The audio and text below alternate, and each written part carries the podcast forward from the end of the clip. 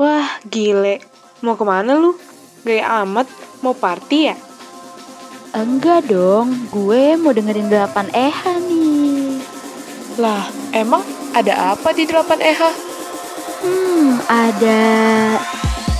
Lantai Dansa. Hanya di 107,9 FM, 8 EH Radio ITB, your entertainment and music station. 107,9 FM, 8 EH Radio ITB, your entertainment and Your music Entertainment and station. Music Station. Halo Kampus Mania, gimana nih? Em, udah berapa bulan ya nih?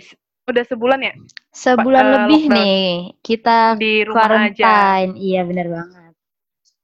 Ya, Nisha ini gimana nih? Ma- Masa-masa quarantine-nya gimana nih? Hmm, Nisha masih karena kemarin-kemarin masih kuliah nih, baru seminggu ini ya kita kosong, agak libur, Ya agak lumayan agak senggang. lempeng gitu ya. Iya, bener Gimana nih banget. Kampus Mania? Kampus Mania pastinya harus harus tetap produktif ya walaupun cuman di rumah aja. Iya, bener banget. Oke Nisha, abis ini kita bakal ngomongin apa nih Nisha? Nah, jadi kita bakal ngomongin banyak banget nih, Yohana. Tapi sebentar dulu dong, kita belum ngasih tahu nih ke Kampus Mania. Hari ini ada yang beda dari lantai dansa. Apa tuh Nisha? Karena biasanya kan lantai dansa selama quarantine di sini kan kita ada di eh, Snapgram kan, di Instagramnya 8EH Radio ITB. Tapi kali Iya bener ini banget. kita adain podcast nih buat lantai dansa. Ini kayak sesuatu yang baru banget buat Nisha dan Yohana karena pertama kali ya Nis. Iya bener banget, ini pertama kali Nisha dan Yohana bikin Mm-mm. podcast di Spotify. Sebelumnya- Jadi nanti, Mm. kenapa tuh Sebelumnya sebelumnya? Nisha sama Yo sebelumnya Nisha sama Yohana cuman apa namanya? kayak bikin snapgram dan yang terakhir kali Nisha nge-live sendiri ya. Iya, terakhir kali Nisha live eh, sama DJ Adia. DJ Adia. Iya, seru banget sih itu.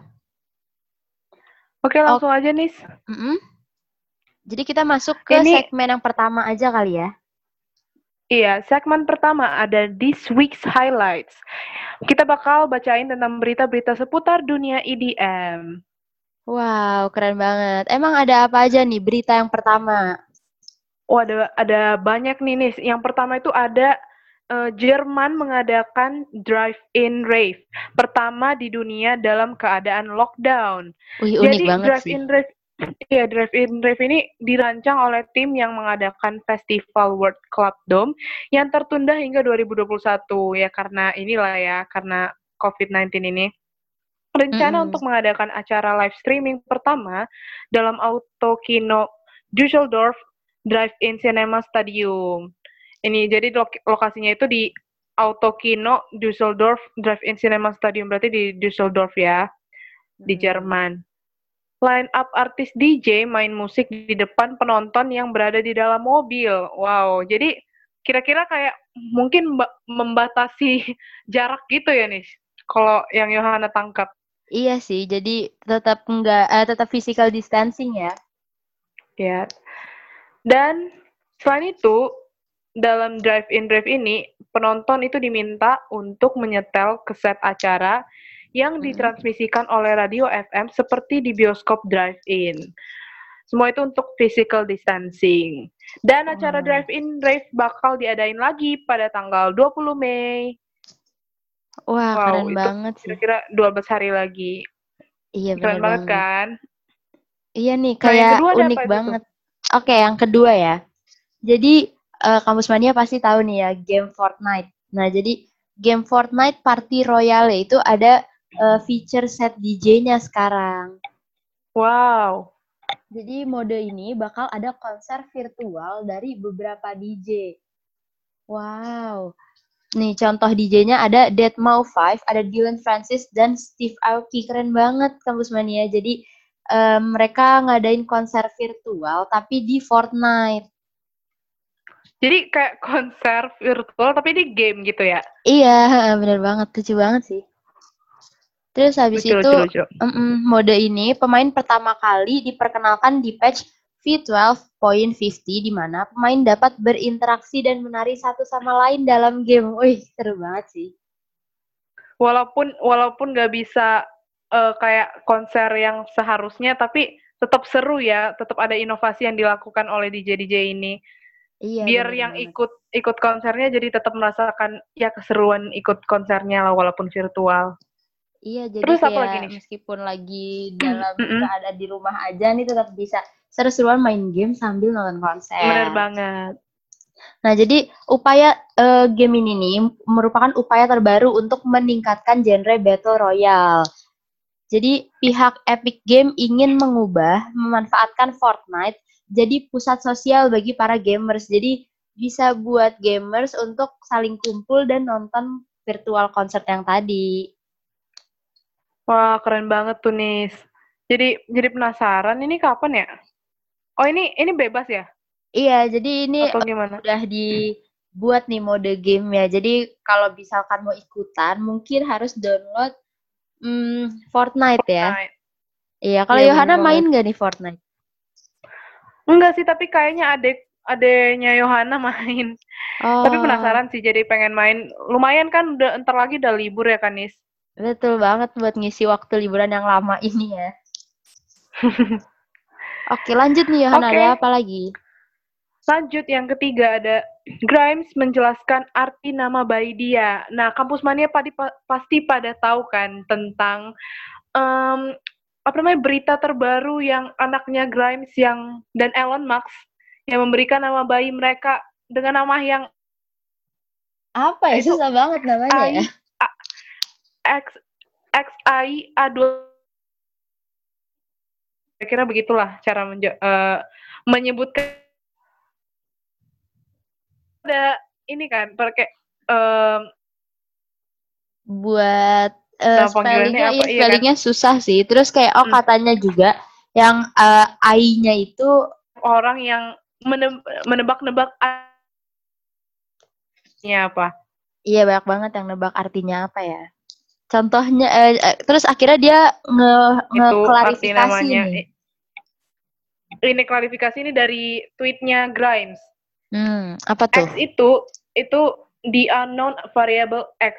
Itu kayak eh, variabel yang tidak diketahui kan biasa kita sebut dengan X gitu kan. Jadi Ah. itu artinya katanya. Atau dengan atau sama dengan simbol pedang yang disilangkan gitu. Itu arti X-nya. Terus untuk AE-nya ini, AE yang digabung ini, itu bacanya AI. Em, itu artinya kalau dalam bahasa Jepang artinya cinta, love. Dan bisa juga dikaitkan dengan artificial intelligence. Ada-ada aja ya, Iya. semua disambungin gitu. Jadi ingat Dan yang terakhir, komputasi. Iya, artificial intelligence. Iya. Dan yang terakhir, A12 itu um, precursor to SR17. Oh, ini kayak nama senjata nggak sih? Eh, bukan ya? nama oh enggak nama pesawat apa ya Oh, kayak pesawat. Oh, gitu iya, iya. Nama, iya nama pesawat. Mm-mm. Yang no weapons, no defenses, just speed. Great in bat great and battle, but non-violent. Itu arti Wow. A12.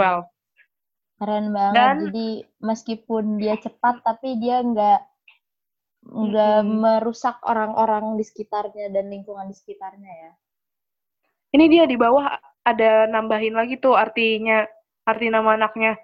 Katanya Hmm. A itu sama dengan Arch Archangel, my favorite song. Itu lagu favoritnya si Grimes. Itu lagunya oh Elon Musk nggak sih? Terus X nggak ngerti metal rap dia tulis metal rap gitu gitu deh. Pokoknya aneh deh. Di Iya, tahun namanya 2020 ribet ini banyak banyak kejadian aneh termasuk pemberian nama kepada bayi dengan spelling yang sangat sulit. iya sulit Tapi, a- dipanggil apa Tapi ya artinya unik. Ai ai ai. Ai. Tapi artinya unik sih bagus-bagus. hmm terus ada info lagi nggak nih Yohana apalagi ya ini dia tulis ini dari New Fol New Folgers dia dia kayak ngebalas gitu kayaknya. Perfect he's already got x.com ready and waiting. Terus hmm, sebenarnya yang yang dibahas ini sebenarnya nggak terlalu penting sih tapi intinya itu arti namanya itu itu yang diklarifikasi Grimes yang tadi Yohana udah sebutin sebelumnya. Mungkin Oh. dari kampus mania udah pernah baca mungkin ya di Line Today atau di mana gitu pokoknya itulah artinya. Ya, pokoknya susah ya namanya. Susah ya namanya. Nah, kalau Yohana sih, kalau misalkan Yohana keluarga deketnya, mungkin bakal manggil dia dengan sebutan Ai. Kalau Nisha gimana nih? Iya sih, Ai. Soalnya kalau X aneh gak sih? X. Kalau Ai ya bisa deh. Iya, tapi katanya Oke, bisa juga AI-nya tuh dipronounce jadi Ash. Oh Kata iya. si Oh, orang iya, ini iya. tadi. Ash, oke. Hmm. Tapi bagusan Ai. Ya, ya. Ai. Indonesia banget ya. Boleh, boleh. Oke. Habis ini yang keempat ada apa tuh, Nis? Nah, jadi em, di di segmen ini ada berita terakhir yaitu Porter Robinson mengumumkan live stream Secret Sky Music Festival.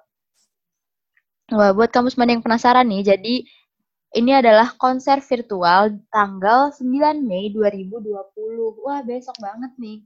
Berarti sehari sebelum podcast ini di launching, kampus mania. Jadi untuk mengumpulkan donasi untuk mencegah COVID-19. Jadi tetap ada eh, unsur beramalnya nih kampus mania. Terus semua donasinya bakal dikirim ke Music Cares COVID-19 Relief Fund. Jadi nanti mereka akan Wah, menyumbangkan dananya ke situ.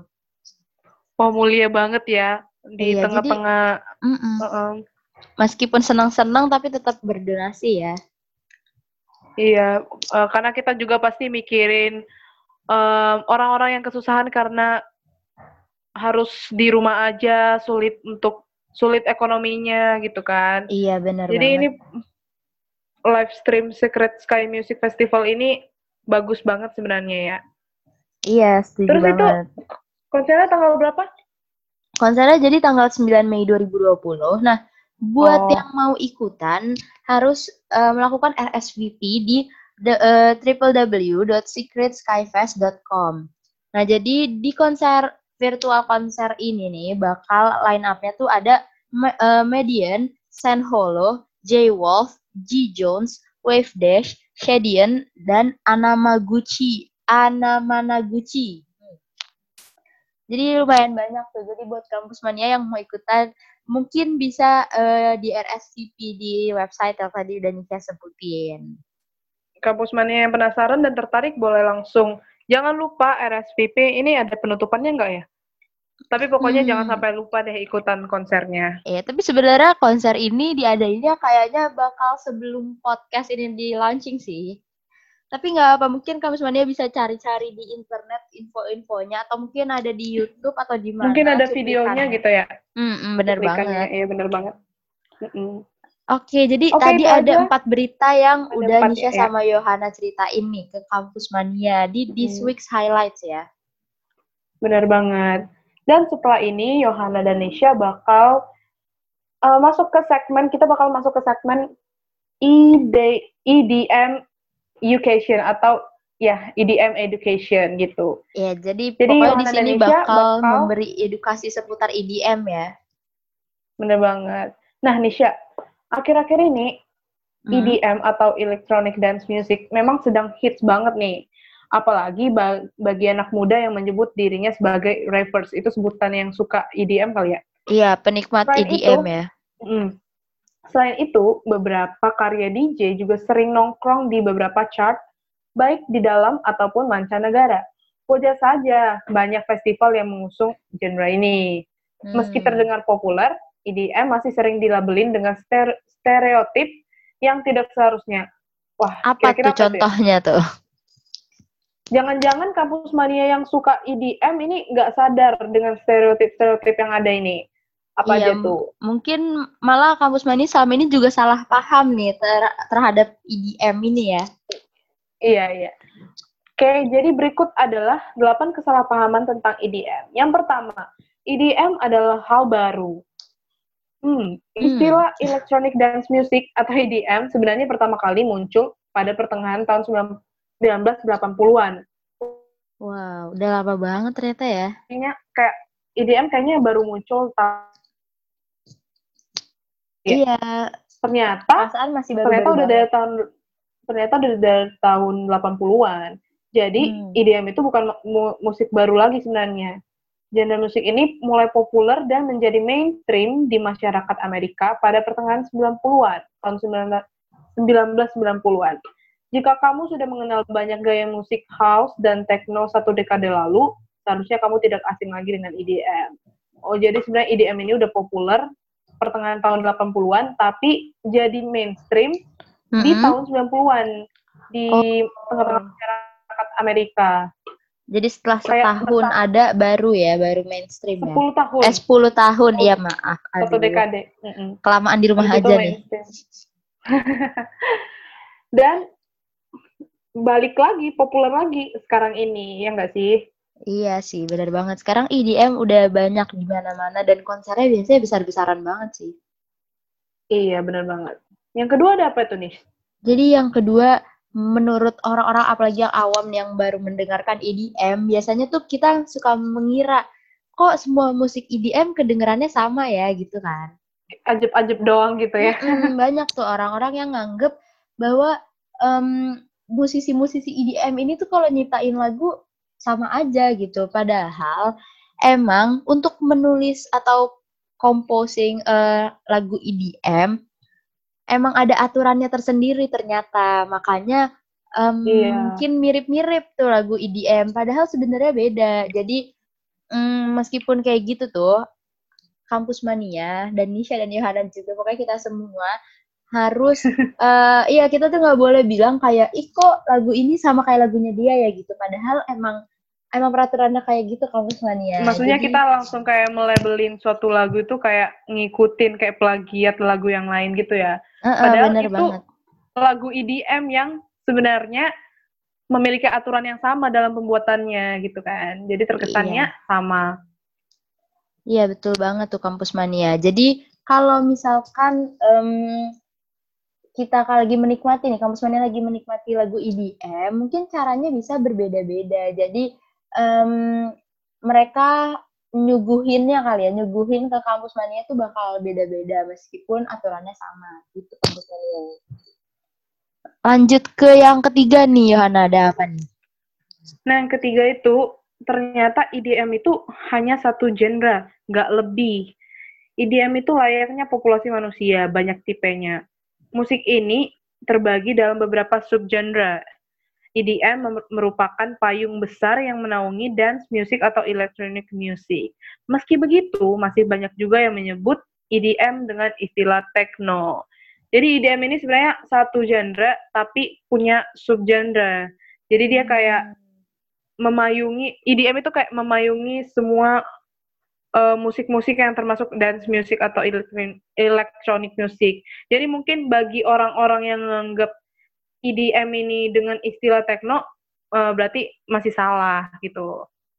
Tuh, kampus mania. Jadi ternyata EDM itu punya banyak subgenre. Mungkin kampus mania yang tertarik sama EDM bisa di googling lebih lanjut kali ya. Kayak ada apa aja sih subgenre ya. EDM ini gitu kan. Mungkin mungkin kampus mania boleh cari tahu kayak boleh membandingkan satu lagu dengan yang lainnya pasti bakal kalau yang benar-benar suka EDM pasti bakal menemukan oh ternyata benar yang dibilang Nisha dan Yohana.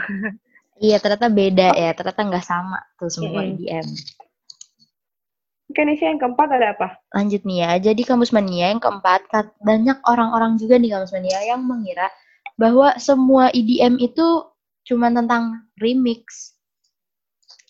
Padahal hmm, iya emang sih iya, remix iya. itu dominan kan di jagat EDM emang banyak hmm. um, musik bisa kayak EDM bisa remix remix gitu kan. Hmm, kalau udah ada musik remix aja berarti kayak udah dikategorikan uh, mix EDM gitu. Iya bener banget. Nah bahkan ada anggapan yang katanya musik remix ini ngambil peruntungan dari karya orang yang udah populer. Jadi kayak dari hmm. artis ini, artis ini digabungin tuh di remix biar si DJ itu juga ikut populer gitu. Banyak orang yang nganggap kayak gitu. Oh, iya iya iya benar-benar.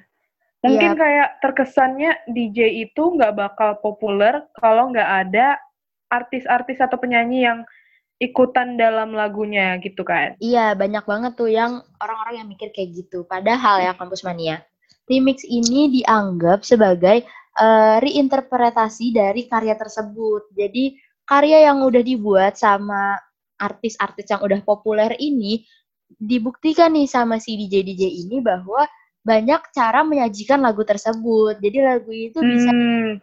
eh, apa ya? Jadi bisa dimodifikasi gitu. satu genre ya. Bisa diaransemen ulang dengan eh, genre EDM. Iya betul banget, setuju banget sama Yohana. Nah, kamu semuanya Iya. lanjut nih, masih ada. Masih Apalagi, ada ini Hana? ada yang kelima itu ada pernyataan bahwa semuanya harus serba elektronik di EDM ya.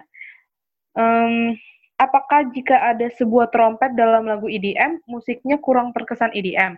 Sebenarnya nggak bisa dibilang begitu, Kampus Mania. Mm-mm. Meski mengusung genre EDM, alat musik instrumental tetap bisa masuk. Maksudnya itu kayak trompet, piano, gitar. Walaupun mungkin kan kampus mana mikirnya kayak eh, EDM itu biasanya nggak musiknya nggak ada alat musik, yang ada tuh cuman ya music box kali ya. Apa namanya yang yang yang Apa buat? EDM EDM Iya, lupa namanya dan apa. ya Iya, pokoknya deh. em, b- eh, alat-alat yang biasa dipakai si DJ DJ itu ya. Iya itu ya, aku lupa namanya apa. Tapi pokoknya alat musik instrumental tetap bisa masuk walaupun musiknya itu genrenya EDM. Bahkan seorang DJ em, London Electricity juga pernah bereksper- bereksperimen dalam karyanya. Yang mungkin menggunakan musik-musik instrumental eh, dalam musik EDM-nya Wah, gitu iya kampus mania. Jadi jangan menganggap em, semua lagu EDM itu yang yang nggak ada eh yang cuman musik elektro yang nggak ada musik instrumental sama sekali kayak piano, gitar dan Mm, lain-lain. Padahal sekarang udah banyak juga ya. Padahal sebenarnya bisa dimasukin gitu. Walaupun Iya. genrenya tetap EDM. Iya tuh kampus mania. Sekarang juga udah banyak kok DJ yang nggak cuma masukin musik-musik yang em, kayak elektronik gitu. Padahal kayak banyak banget musik-musik instrumental yang udah dimasukin nih sama DJ-DJ ke remixnya mereka. Benar-benar. Nah, yang keenam ada apa nih? Oke, lanjut katanya katanya ada ini nih eh, sekar, eh, serang DJ hanya push play. Banyak orang-orang yang menyerang DJ atau kayak bilang DJ-nya itu cuma push play gitu. Katanya- gimana tuh? Jadi maksudnya gini, jadi banyak yang beranggapan bahwa seorang DJ itu cuma bermain sama piringannya mereka. Tahu kan kamus mania yang Hmm, diputer-puter tahu-tahu itu. nah, padahal kamus mania sebenarnya ya perdebatan ini tuh nggak perlu dibesar-besarin karena kadang mereka juga menciptakan ulang lagu-lagu mereka saat live performance. Jadi kadang mereka tiba-tiba eh, bisa aransemen lagu itu di atas panggung. Hmm, berarti kayak mereka eh, nggak monoton muterin lagu yang udah direkam, tapi mereka juga bisa secara tiba-tiba atau mungkin udah di planning eh, waktu di panggung untuk ngaransemen dikit-dikit lah lagunya gitu kan. Iya betul banget ya Hana. Jadi meskipun ada beberapa track nih yang udah disiapin, udah ada materi yang mereka bikin, tapi di panggung itu tidak menutup kemungkinan para DJ buat tetap nge-instrumen lagu-lagu baru yang belum mereka eh, siapin. Jadi keren banget. Jadi sebenarnya susah sih jadi DJ berarti ya. Iya, sebenarnya iya mereka harus kayak mikir cepat gitu nggak sih Nisha? Iya bener banget. Karena di panggung kan baru. sambil loncat-loncat lagi ya. Iya sambil seru-seruan padahal dia lagi berusaha mikir, aduh lagu apa yang gue puter selanjutnya gitu kan. Iya bener Pasti banget. susah gitu. Mm-mm. Nah yang ketujuh ada ini nih Nisha. Apa tuh? EDM itu selalu dikaitkan dengan kenakalan. Setuju Hmm. Nisha? Enggak banget sih, enggak setuju banget. Ya itu, pokoknya kayak sering ada stereotip kayak gitu. Inilah yang masih menjadi stigma negatif di dalam masyarakat. Banyak banyak masyarakat yang kayak nganggap musik-musik EDM itu kan kayak eh, yang kayak seru-seru yang buat loncat-loncat. Jadi kayak orang menganggap Hmm. itu semua musiknya cuma buat yang nakal-nakal gitu. Padahal untuk menikmati EDM, kamu nggak perlu nakal, kamu nggak- perlu menjadi nakal nih kamu semuanya. Selain itu, tidak semua orang datang ke EDM festival untuk memenuhi hasratnya untuk mabuk. Iya, Jadi- banget. Mm-mm. Jadi banyak tuh emang sih kayaknya eh, sebenarnya Yohana sendiri sempat pernah mikir gitu kayak ini musik EDM itu kayak musik ajeb-ajeb buat joget-joget doang, buat mabuk-mabuk doang. Padahal enggak. Sebenarnya banyak orang yang men- yang benar-benar suka sama EDM itu denger lagu EDM atau datang ke festival festival EDM itu bukan untuk mabuk tapi ya memang karena suka dengan Suka. musiknya gitu. Iya, setuju banget. Kayak Bukan itu sebenarnya tergantung nakal. balik lagi ke orangnya aja ya. Kalau emang mau mabuk ya, mau musik apa pun dia bisa mabuk. Iya, benar banget. Tapi yang jelas bukan semua musik EDM itu buat mabuk-mabukan gitu. Kampus Iya, Mania. setuju banget kampus mania tuh. Jadi kita lanjut aja gimana nih? Boleh-boleh. Yang Ke terakhir ada ini. stigma, eh, eh, ke stigma yang ke-8 nih, katanya banyak yang ngomong bahwa EDM itu budaya hedonisme. Wah, Jadi banyak oke, nih lanjut. Eh, jadi EDM ini sering banget dilabeli sebagai bagian dari budaya hedonisme karena katanya ada slogan free and be yourself. Padahal kalau menurut Nisha, free and be yourself itu bukan selalu Bukan hedonisme hedon ya? gitu. Iya, bener Mm. banget. Jadi mungkin orang-orang emang banyak yang suka cepat menyimpulkan, jadi mikirnya tuh langsung ke situ. Padahal kayak menikmati EDM juga nggak harus selalu di tempat-tempat mahal atau di klub-klub mahal dan lain-lain. Kayak kita bisa dengerin EDM dari rumah bahkan. Dari platform musik apa pun ya kan. Iya, setuju banget. Kayak banyak buktinya sekarang virtual-virtual konser yang tetap bisa kita nikmatin meskipun cuma bermodal dengan kuota dan segala macam device yang kita punya gitu. Iya, benar banget. Nah, terus selain itu, kurangnya muatan politik dan emosi menjadikan musik ini dianggap sebagai ajang hura-hura. Nah, ini sebenarnya mirip sama yang tadi Yohana udah Mirip sama yang sebelumnya ya. ya. Iya. Jadi kayak dianggapnya tuh EDM cuma buat seneng-seneng, buat eh, mabuk-mabukan dan lain-lain. Padahal sama deng- sama halnya dengan genre-genre musik yang lainnya gitu. Kayak ya udah orang yang suka EDM bisa ngedengerin EDM di mana aja karena emang dia suka bukan untuk dia berhura-hura gitu konsumennya. Nah, terus ditambah lagi banyak juga DJ yang menjadi simbol brand tertentu. Jadi kayak Hmm, ini maksudnya gimana ya? Mm, mungkin maksudnya kayak DJ-DJ itu menjadi apa ya? Kayak apa brand ambassador. Brand oh, yang mungkin kayak labeling gitu kali ya. iya heeh, brand eh, labeling atau brand ambassador. Brand-brand yang hedon-hedon gitu. Jadi orang-orang tuh stigmanya kayak ih jadi EDM itu hid- hedon gitu Hmm, mungkin kalau yang Yana tangkep ini kayak ada DJ-DJ tertentu yang kayak terkenal dengan em, dia sering makai makai brand tertentu jadinya kayak karena brand itu mungkin terkesan Hmm. hedon, iya mungkin Nah. orang-orang pada labeling DJ tersebut gitu. iya setuju banget nah tapi kamu mania no matter what put your hands up Bener Oke, banget. jadi Oke, lanjut itu- nih. Kita punya segmen tadi kita udah selesai ngebahas. Udah ada delapan apa tuh? Mm-mm. Delapan edukasi seputar EDM. Jadi kita tadi telah Nisha dan Yohana telah memberantas hoax-hoax tentang EDM. Iya, jadi stigma-stigma yang sama ini beredar harus diluruskan nih kampus mania biar kampus Bener mania yang banget. mau dengerin EDM kapan aja di mana aja bisa mm, nggak perlu khawatir takut ikut hedonisme lah atau ikut menjadi nakal dan lain-lain karena EDM tuh nggak kayak gitu mania. Bener banget. Harapannya ke depannya EDM ini tetap bisa jadi musik yang menghibur, yang makin banyak pendengarnya yang menikmatinya. Setuju banget. Oke, Yohana dan kampus mania, gimana kalau kita lanjut ke segmen selanjutnya nih? Wah, segmen apa tuh, Nis? Jadi segmen kali ini ada DJ of the Week. Jadi di sini Nisha sama Yohana bakal ngebahas dua DJ lokal dari Indonesia pastinya nih Kamus Mania yang mungkin Kamus Mania udah sering dengar, tapi kita mungkin akan Yohana dan Nisha akan lebih mengulas lagi nih tentang DJ-DJ lokal yang gak kalah terkenalnya dari DJ-DJ internasional. DJ-DJ luar negeri. Iya, Iya, jadi bener banget. sekarang DJ dari Indonesia juga menurut Nisha udah banyak yang disorot dan bahkan karya-karya mereka juga udah go internasional ya Yohana. Setuju iya, nggak? bener banget. Setuju banget. Jadi nggak hanya DJ-DJ luar negeri saja ya yang terkenal, ada juga DJ-DJ dari Indonesia yang mulai disorot dunia. Mm-mm, apa sih setuju tuh? banget. Yohana bakal bacain yang pertama ya. Oke, ada Jadi apa yang Yohana? pertama tuh yang pertama tuh ada Weird Genius. Siapa sih yang nggak tahu Weird Genius? Mungkin ada yang nggak tahu kali ya. Tapi Weird Genius ini Mm-mm. kalau menurut Yohana cukup terkenal sih. Sampai waktu itu Yohana pernah mikir waktu pertama kali lihat video klipnya itu lagu apa ya lupa. Pokoknya Mm-mm. em, yang kayak dia di pantai gitu.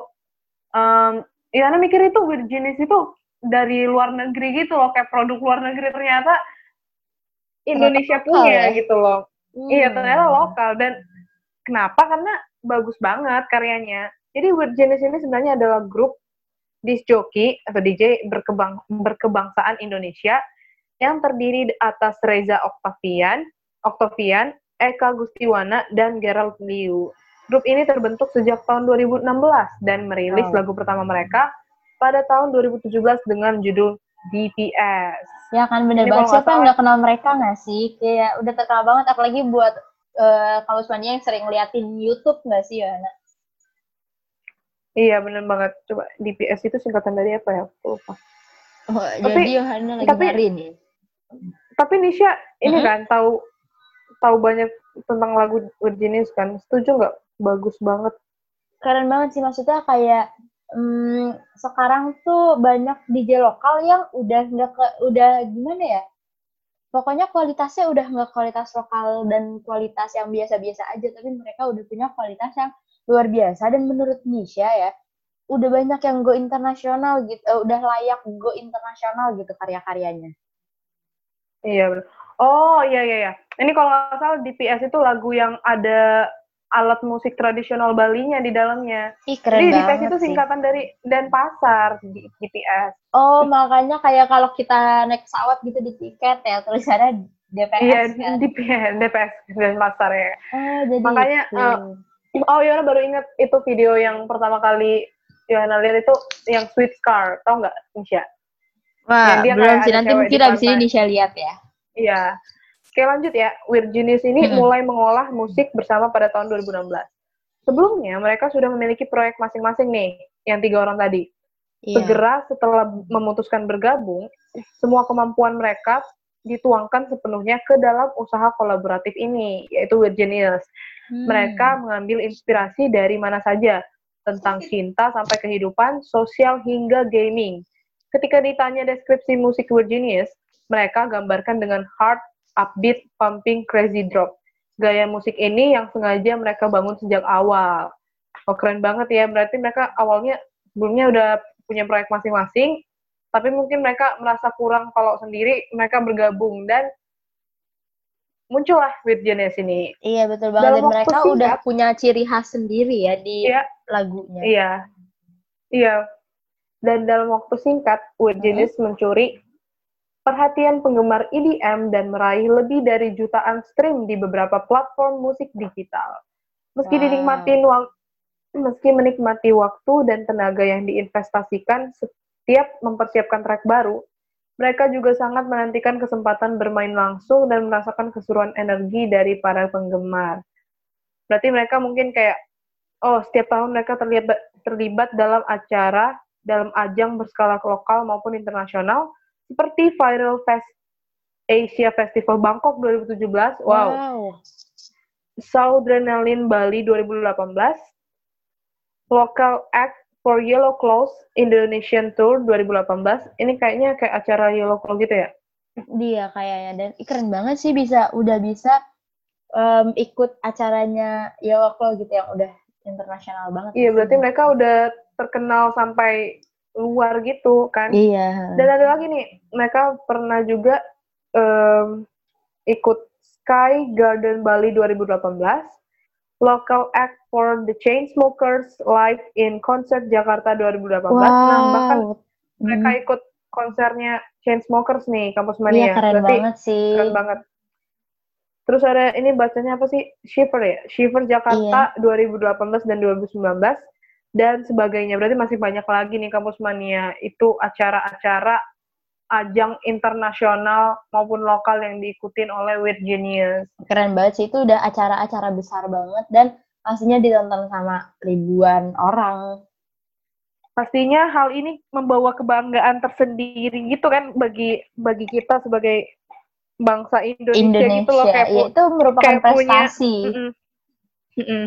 kayak punya ternyata nggak cuman luar negeri doang yang punya EDM EDM yang keren tapi Indonesia juga punya Weird Genius. Iya, setuju Jadi Weird Genius sih. ini telah merilis, mereka telah merilis track-track yang melintasi berbagai genre elektronik serta menggandeng beberapa musik seperti Dolph, Barong Family, Prince Hussein, dan Midnight Quickie. Wow, mereka Oh, dalam karya-karya mereka, mereka eh, ada apa namanya kolaborasi dengan beberapa kolaborasi. art musisi luar negeri juga. Yang paling terkenalnya kalau nggak salah Prince Hussein ya di lagu apa aku lupa. Iya, dan, Dan formasi kenapa? Kenapa Nisha? iya sih, masa setuju banget kayak dan yang em, artis-artis atau musisi-musisi mereka ikut kolaborasiin juga emang udah terkenal juga gitu. Mm-mm. Dan Oke, lanjut. formasi trio ini, formasi trio atau maksudnya Weird Genius ini bertujuan Iya. ingin mereka punya tujuan ingin membesarkan nama demi menempatkan Weird Genius di peta dunia. Sebagai artis, secara kontinu mereka berevolusi dan mengeksplorasi keragaman dalam proses produksi musik. Salah satu identitas yang ingin terus dikembangkan adalah memasukkan elemen tradisional Indonesia ke dalam musik mereka.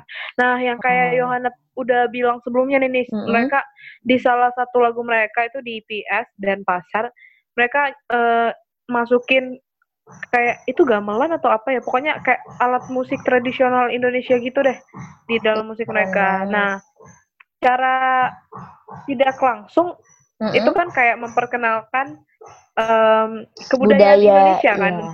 ke Setuju internasional melalui musik. Tapi emang sih la- lagunya itu kayak nggak ngebosenin walaupun memakai alat musik Indonesia karena karena dicampur dengan apa ya dengan genre EDM jadinya kayak seru banget gitu.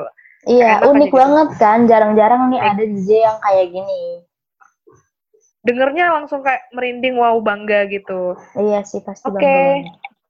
Semoga Genius ini ke depannya makin berkembang dan sukses tentunya. Iya, dan bisa mengenalkan lebih banyak budaya Indonesia ke dunia luar juga ya.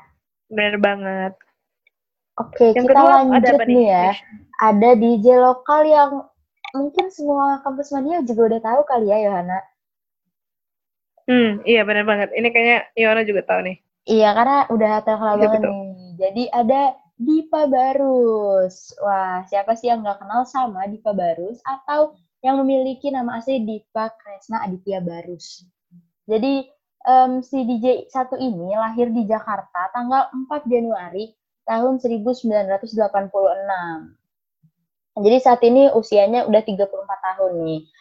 Merupakan eh, seorang disc jockey atau DJ asal Indonesia pastinya. Karena kampus mania juga pasti udah mungkin banyak nih yang sering nonton atau ikut em, beberapa konser Dipa Barus mungkin. Konsernya si Dipa Barus. Iya. Nisha juga kebetulan suka ada eh, Dipa Barus ini pernah ada di pensi sekolah Nisha nih Yohana. Jadi kayak Wow. keren banget sih.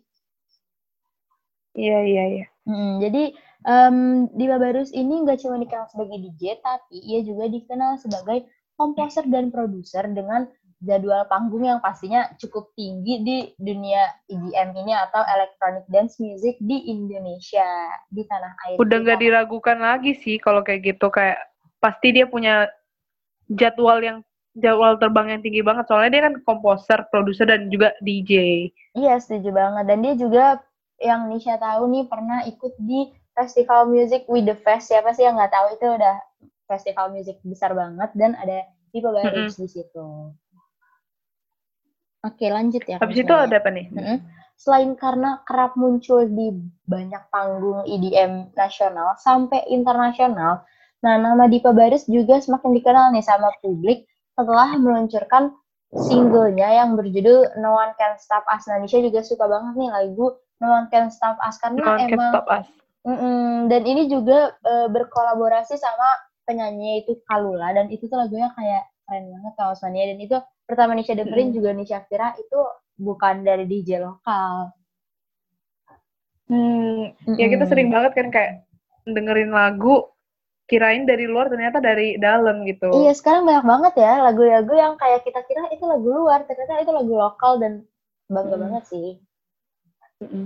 Nah yang bikin bangga lagi nih Kampus Mania Jadi lagu yang berjudul No One Can Stop Us tadi udah ditonton lebih dari 8,7 juta kali di YouTube. Wow.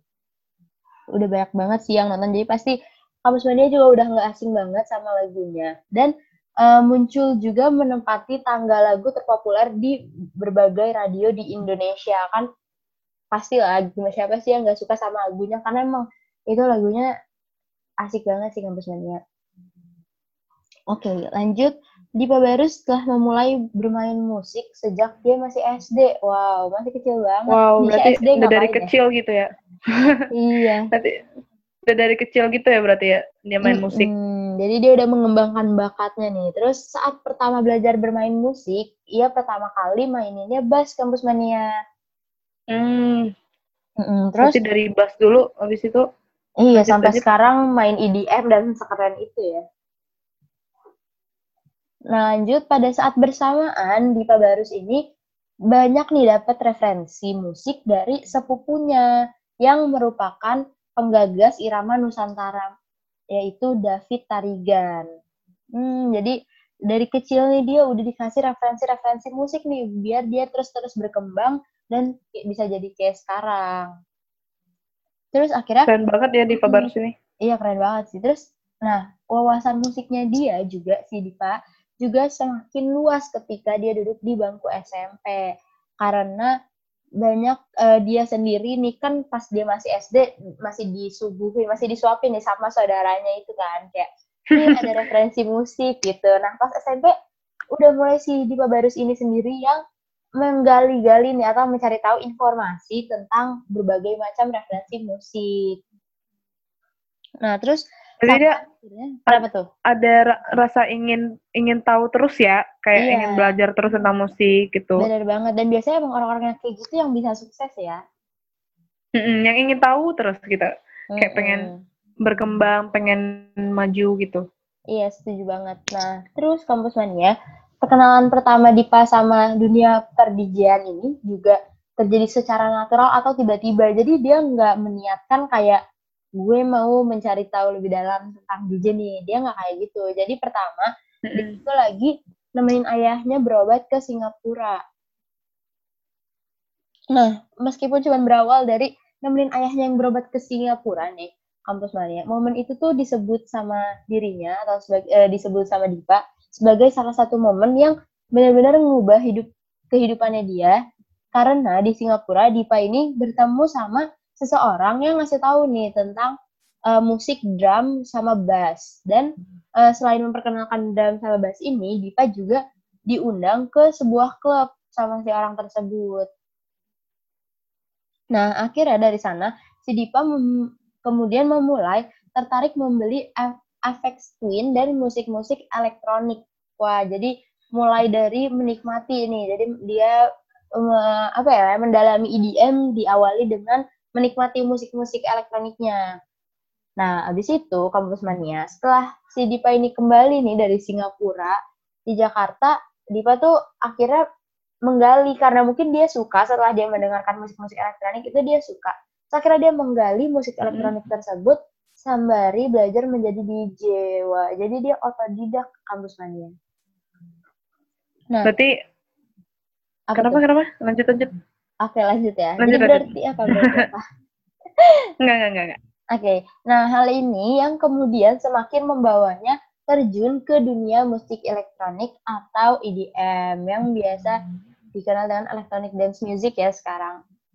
Nah, dengan antusiasme terhadap musik yang tinggi, Dipa awalnya ingin memperdalam musikalitas dengan mengambil studi musik di universitas. Jadi bahkan dia tadinya sampai pengen ngambil hmm, jurusan permusikan di universitas. Nah, tapi harapan Dipa untuk studi musik di perguruan perguruan tinggi harus dikubur dalam-dalam. Wah, kenapa tuh Nisha? Karena katanya ayahnya menyarankan untuk eh, menyarankan nih ke Dipa bahwa musik tuh dijadiin hobi aja, jangan terlalu ditekuni Mendalami sampai, gitu ya. eh, sampai harus pendidikannya juga musik gitu kata ayahnya.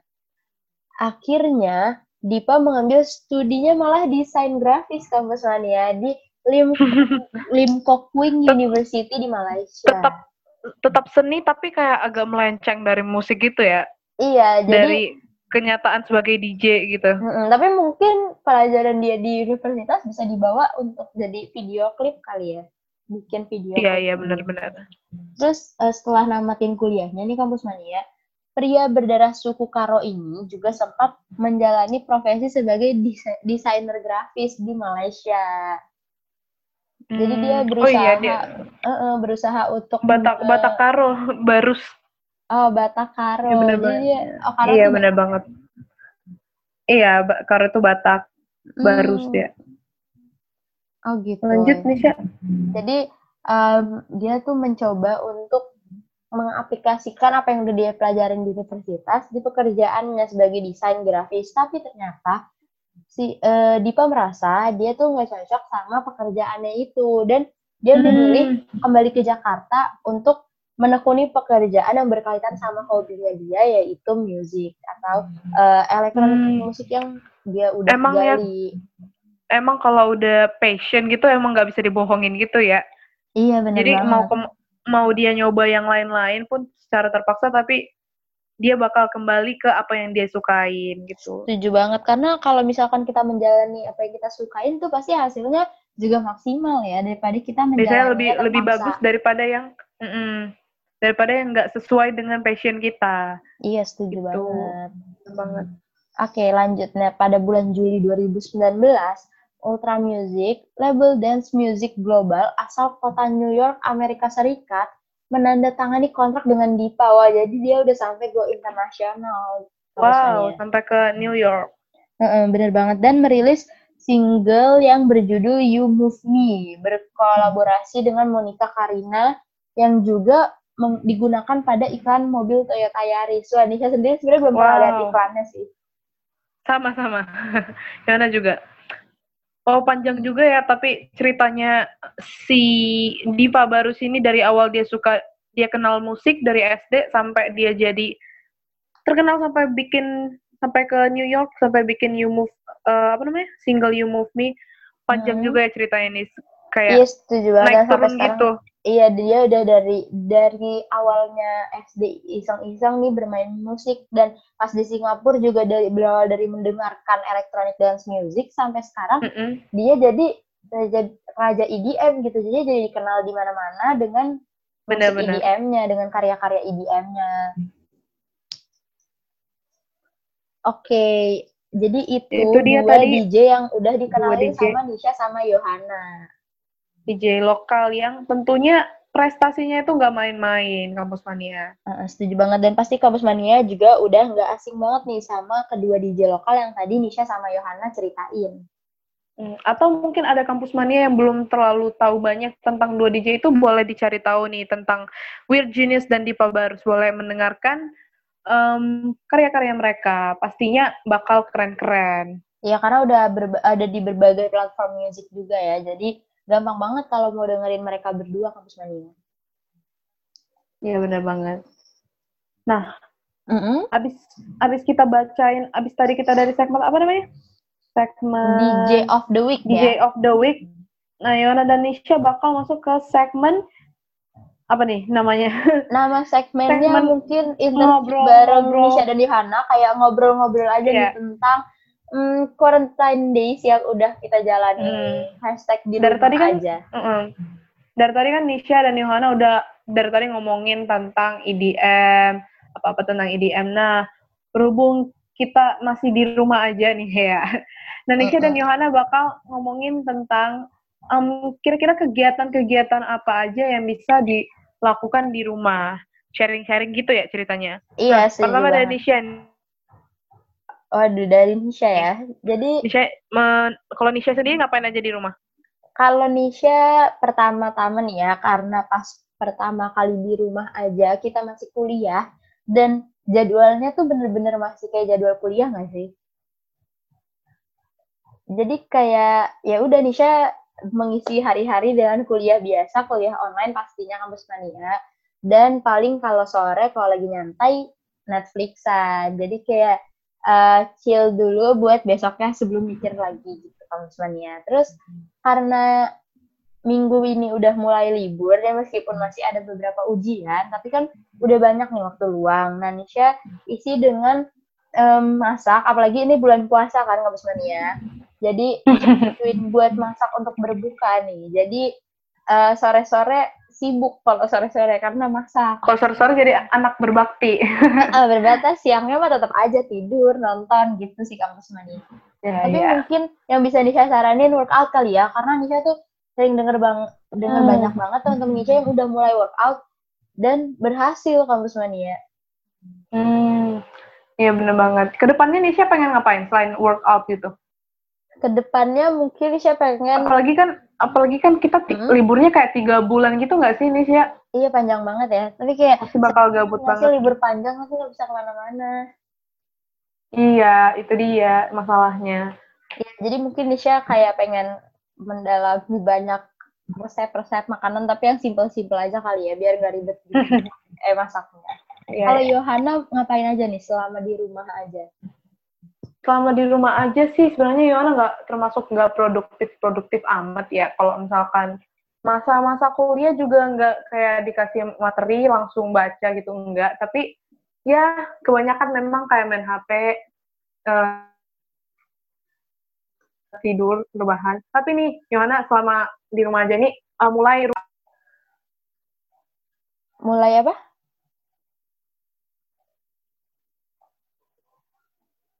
wah mungkin um, tentang penting hmm. ini agak putus-putus ya Yohana. Ya mungkin kamu semuanya jadi suaranya Yohana agak terputus-putus nih kamu semuanya cuman mungkin yang tadi bisa simpulkan dari Yohana adalah dia di rumah biasanya uh, tetap jalan kuliah meskipun nggak kayak dapat materi nggak langsung di uh, apa namanya nggak langsung dibaca tapi tetap kuliah pastinya terus banyak main HP dan ya mungkin rebahan dan lain-lain kali ya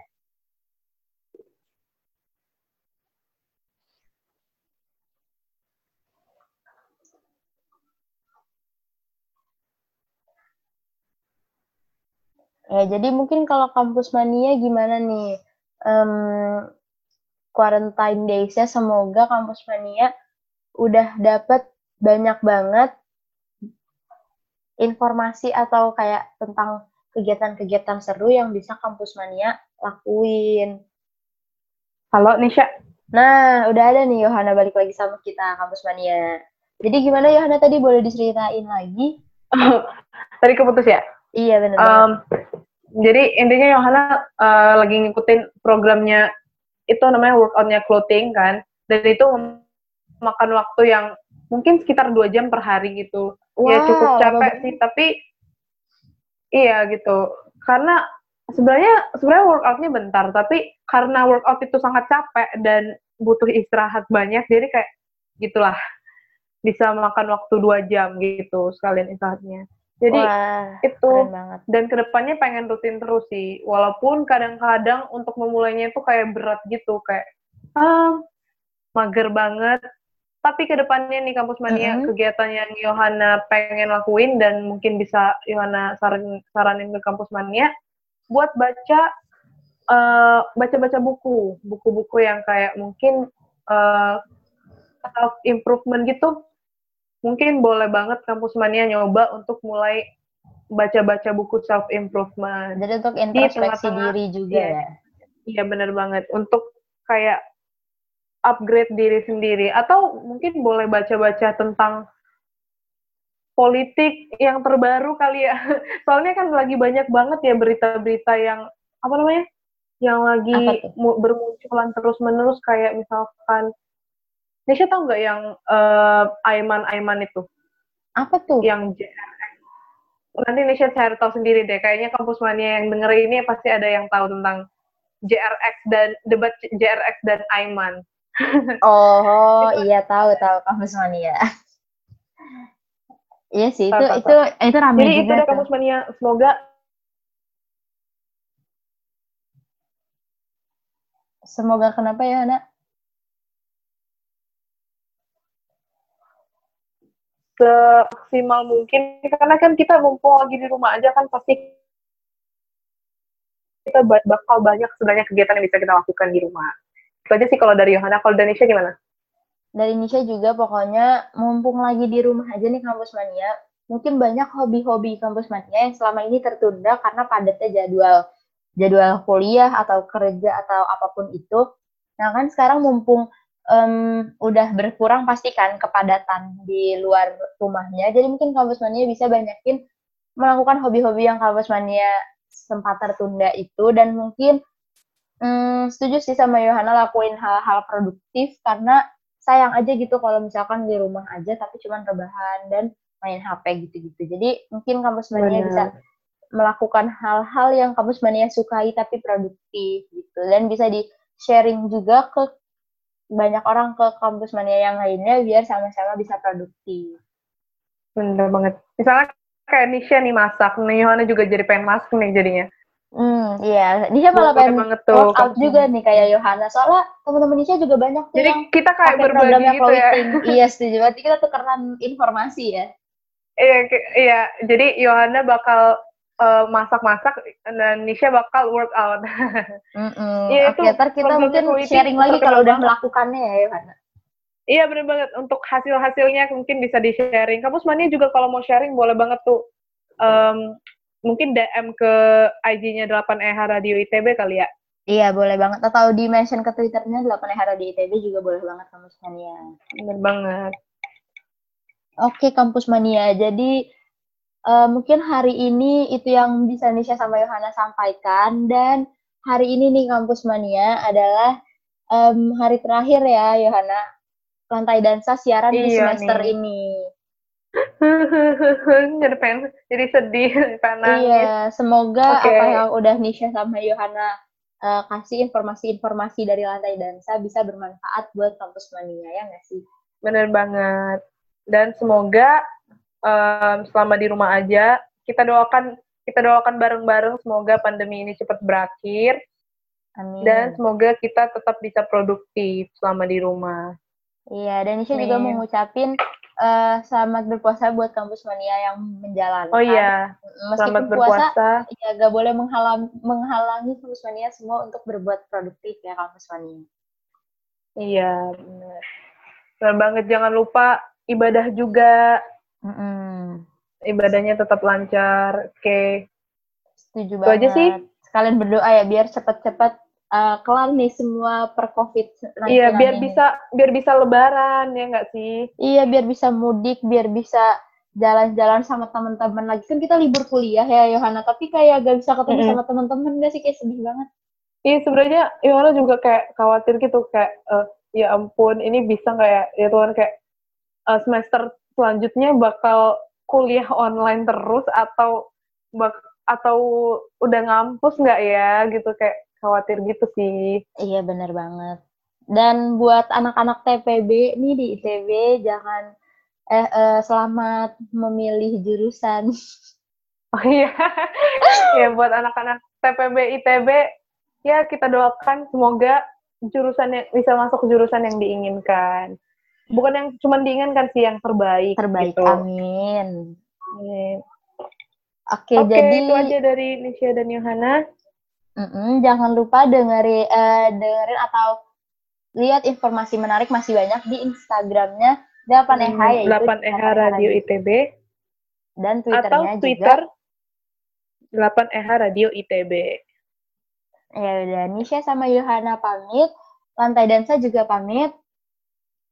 Bisma dan juga oh ya apa tuh apa tuh dan juga podcast uh, 8EH di Spotify Ah iya bener banget Mania. lihat Spotify-nya 8EH buat dengerin podcast, podcast yang menarik ya.